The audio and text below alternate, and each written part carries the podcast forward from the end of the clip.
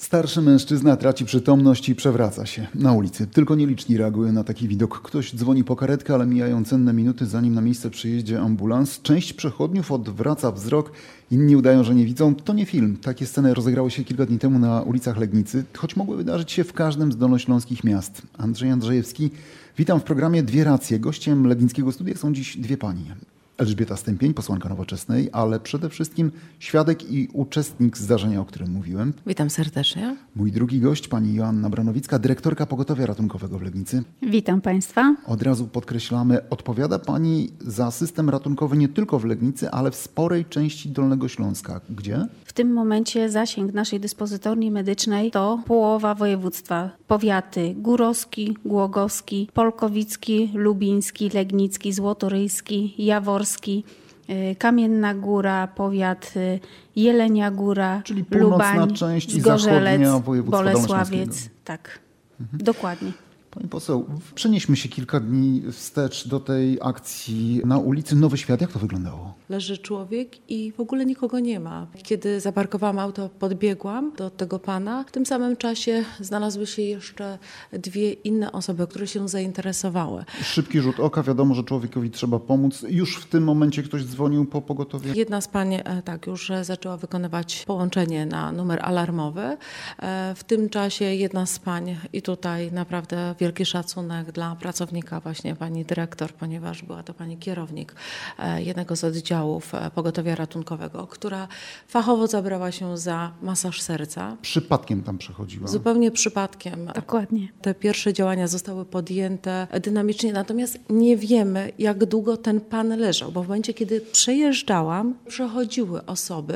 e, Pani dyrektor, często spotykacie się z takimi sytuacjami, że ludzie, którzy gdzieś tam byli świadkami, nie reagowali przez dłuższy czas? Tak, dotyczy to nie tylko nagłego zatrzymania krążenia, ale też przy wypadkach drogowych. Wróćmy do tych wydarzeń z ulicy Nowy Świat. Długo czekaliście na karetkę? To było dobre kilkanaście minut, kiedy oczekiwaliśmy, a do tego trzeba jeszcze dodać, że w momencie, kiedy chodzi o, o życie ludzkie, to ten czas o wiele dłużej płynie.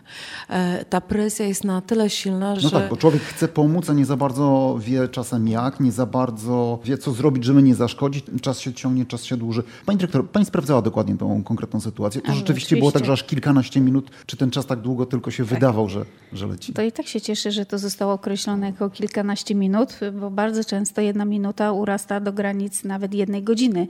W tych sytuacjach naprawdę tak czas się dłuży. Ja sprawdziłam bardzo dokładnie. Czas wezwania na dyspozytornię medyczną była godzina 13 minut 11. Zespół wyjazdowy wyjechał 13.12 i na miejsce dotarł e, 13.16, czyli e, tak naprawdę to jest e, bardzo niewielkie. Pięć minut. Tak, każdy, kto bierze udział przy tego rodzaju czynnościach, naprawdę każdy to mówi, że ten czas tak się wydłuża. Nie ma możliwości oszukania systemu, jest każdy ruch karetki do odtworzenia. Przyjeżdża ekipa ratunkowa na miejsce i co się dalej dzieje? Przejęcie akcji, czyli kontynuacja masażu serca, zaszczyk z adrenaliną, nałożenie maski i wpompowywanie powietrza.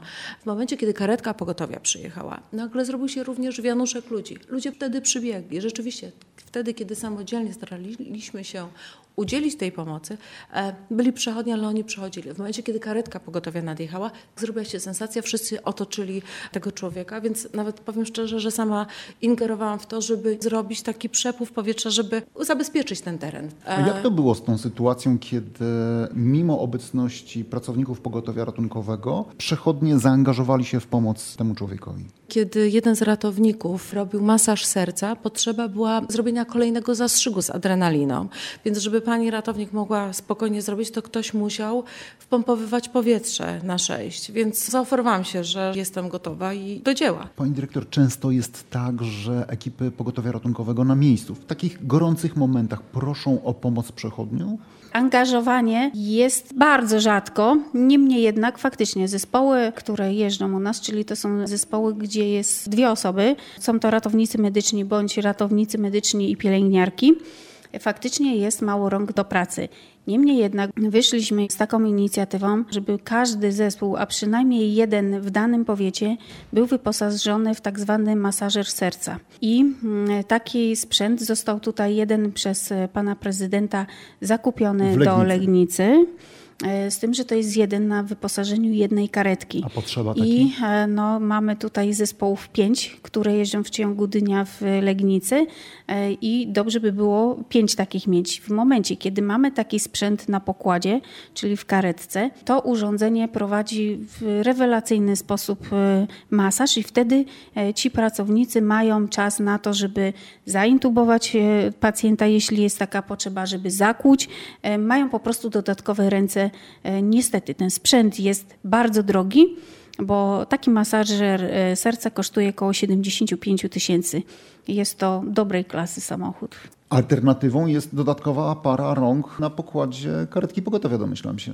Był taki projekt ustawy o ratownictwie medycznym, gdzie było wpisane zespoły P3 osobowe. Wiązało się z tym, że będzie potrzeba większej ilości ratowników, a przede wszystkim zwiększenie finansowania na ratownictwo medyczne. Niestety z powodów braków środków finansowych został ten zapis wycofany. Za tym poszły inne konsekwencje.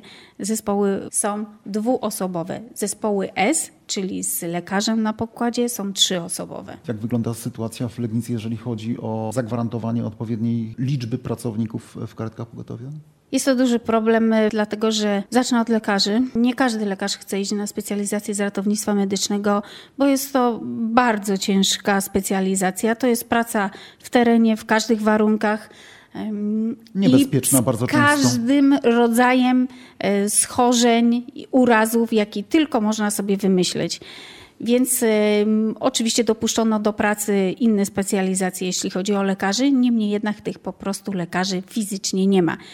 Jeżdżą w karetkach jeszcze pielęgniarki systemu też odpowiednie wykształcenie, mm, bardzo rozbudowane. Też jest już ich mało i niestety od paru lat zauważamy, że żadna pielęgniarka, która kończy studia, nie przychodzi do pogotowia ratunkowego.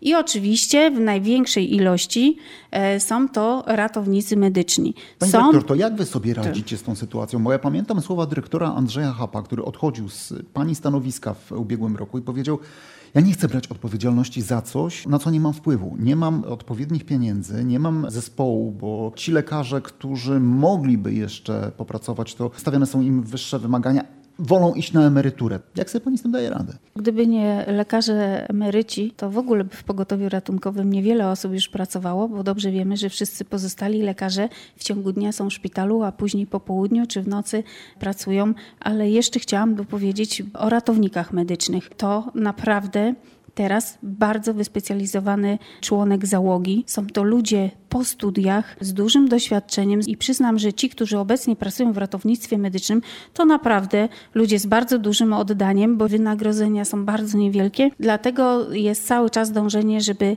stawki do bokaretek, bo taki ryczałt otrzymujemy z taką nazwą, zwiększyć. Pani poseł, czuje się pani teraz wywołana do tablicy? Absolutnie tak, ponieważ ten problem jest problemem znanym. Jestem też członkiem Komisji Kontroli Państwowej, w której Najwyższa Izba Kontroli dokonuje takich e, kontroli i to jest stwierdzone. I na, takim, na takiej komisji również uczestniczyłam, na której był również i minister e, zdrowia problem jest znany. Cały czas się rozchodzi o pieniądze. Po pierwsze, pani dyrektor wspomniała o lekarzach w karetkach pogotowia i to są długie specjalizacje, kosztowne, a zatem niestety nie idą żadne pieniądze. Więc wielu lekarzy woli specjalizować się w innych kierunkach, które pozwalają im zwyczajnie godnie żyć. Czy czuje się pani współodpowiedzialna za tą sytuację? Niestety nie mam bezpośredniego wpływu, ponieważ jest to na kanwie rządu podejmowana decyzja. Tutaj odpowiedzialność za bezpieczeństwo ponosi przede wszystkim wojewoda, również Narodowego Funduszu Zdrowia, przy porozumieniu Ministerstwa Zdrowia należy podjąć tę Ale ludzie tematykę. odpowiedzialni za organizację funkcjonowania służby zdrowia tutaj na Dolnym Śląsku mogą powiedzieć, proszę Państwa, o czym my rozmawiamy? Przecież w dniu, kiedy wydarzył się ten przypadek, kiedy trzeba było człowieka ratować, była uroczystość święcenia nowej karetki pogotowia. Pani dyrektor. Ale oczywiście tak się złożyło, że akurat ta karetka została zakupiona ze środków, które przekazał nam wojewoda dolnośląski. Niemniej jednak każde środki, które otrzymujemy od samorządów naprawdę e, zakupujemy sprzęt, jest on konieczny. Ale tutaj też poruszyliśmy kwestię godnego nagradzania właśnie tych ratowników. Ja widziałam, z jaką determinacją te osoby walczyły o życie ludzkie. Uważam po tej całej akcji, że ci ludzie absolutnie nie są w sposób godny nagradzani. Świetnie, spotkaliśmy się, porozmawialiśmy sobie, przedstawiliśmy konkretną sytuację. E, przejdźmy do wniosków co można byłoby usprawnić? To wiemy doskonale, to zostało przed chwilą powiedziane. Brakuje pieniędzy. Pani poseł, czy pani jako parlamentarzystka jest w stanie cokolwiek spróbować zmienić w tym obecnym sytuacji? Takie wydarzenie, które miało miejsce, ono jest ponadpartyjne i tutaj rzeczywiście wraz z parlamentarzystami z różnych opcji politycznych uważam, że powinniśmy się wspólnie zaangażować problematyką właśnie związaną z ratownictwem medycznym i mówić o konkretach. Pani dyrektor, ja nie wiem, czy pani to wyłapała, ale ja usłyszałem tutaj taką dość mocną deklarację. Będę rozmawiała z parlamentarzystami z innych partii po to, żeby wspomóc sytuację pogotowia ratunkowego. Pani wierzy w takie deklaracje, bo pewnie ich było bardzo dużo na przestrzeni lat, szczególnie przed wyborami. Mam nadzieję, że to będzie prawda, bo ja jeszcze to poprę pismem i rozpocznie już całą działalność, jeśli chodzi o posłów i senatorów z naszego terenu i później o Komisji Zdrowia. Dyrektorzy pogotowi ratunkowych, zwłaszcza na Dolnym Śląsku, też żeśmy wystosowali takie pismo do pana wojewody. Podpisaliśmy się pod nim wszyscy, jest nas 12 podmiotów na Dolnym Śląsku. Wypisałam osobiście 11 różnego rodzaju decyzji, czyli e, rozporządzeń zmian w ustawach, które spowodowały zmiany bardzo często słuszne w ratownictwie medycznym, ale za tym nie poszło finansowanie bądź tylko częściowe finansowanie i to pogrążyło wszystkie pogotowia ratunkowe nie tylko na Dolnym Śląsku, w skali Polski. Ale te zmiany mogłyby się rozpocząć od Dolnego Śląska i pójść w cały kraj. Liczę na to. Powiedziała pani Joanna Baronowicka, dyrektorka pogotowia ratunkowego w Legnicy. Dziękuję bardzo. Moim gościem była też pani Elżbieta Stępień, posłanka Nowoczesnej. Dziękuję bardzo. Andrzej Andrzejewski, dziękuję za czas poświęcony na wysłuchanie tej audycji. Do usłyszenia.